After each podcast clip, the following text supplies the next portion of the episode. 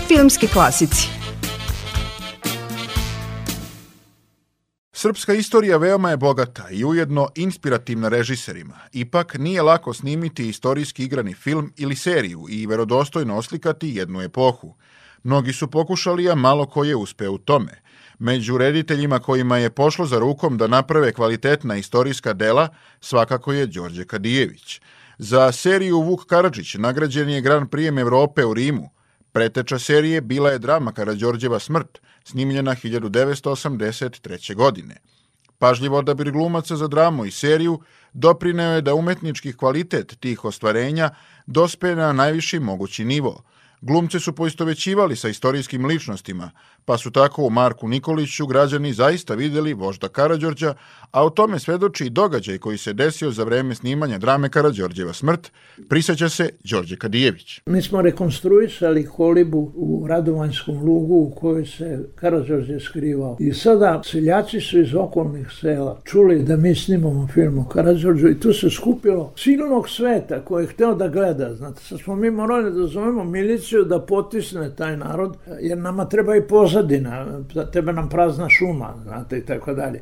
Međutim, pošto sam ja još u hotelu primetio da je Marko jako uzbuđen, kad je trebalo da igra tu da, krajnje dramatičnu scenu i tako dalje, sve to skupa u, u Radovanjskom lugu, ja sam ga pozvao moja kola, a ne u kombi za glumce.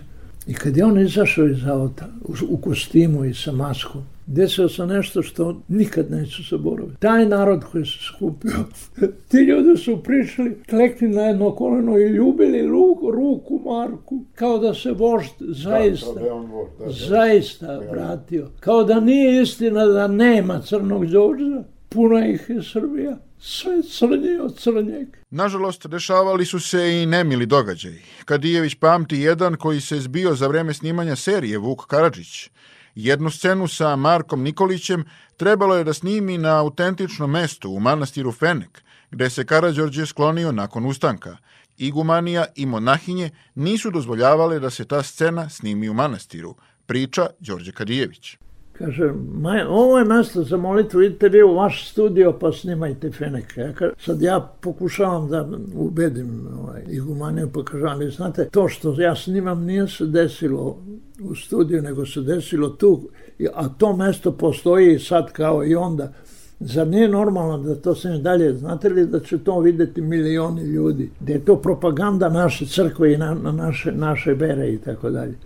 Ništa nije pomoglo dotle dok se nisam odlučio na ono što je deo ludila e, koje nosim u sebi već samim tim što se bavim filmom. Znate. Ovaj, ja sam jednostavno naredio da se uđe silo. Mi smo otvorili kapiju i ogromna ekipa od 100 ljudi ušla u portu, ušla u hram, ušla u konak, pronašla sve, a kaluzerice zaprepastene i uplašene počele su da vrište, da nas kunu, da kunu našu decu, zamislite dok se igumanija povukla u svoju, u svoju ćeliju. Ja sam naravno snimio sve što sam hteo. Za vreme snimanja u inostranstvu nije bilo nikakvih problema. Tako su u Beču ekipu serije Vuk Karadžić dočekali sa velikim gostoprimstvom. U Austriji je snimano venčanje Vuka Karadžića i Jane Kraus, a od tamošnjeg župnika su dobili originalno misno ruho za potrebe snimanja serije. Filmski klasici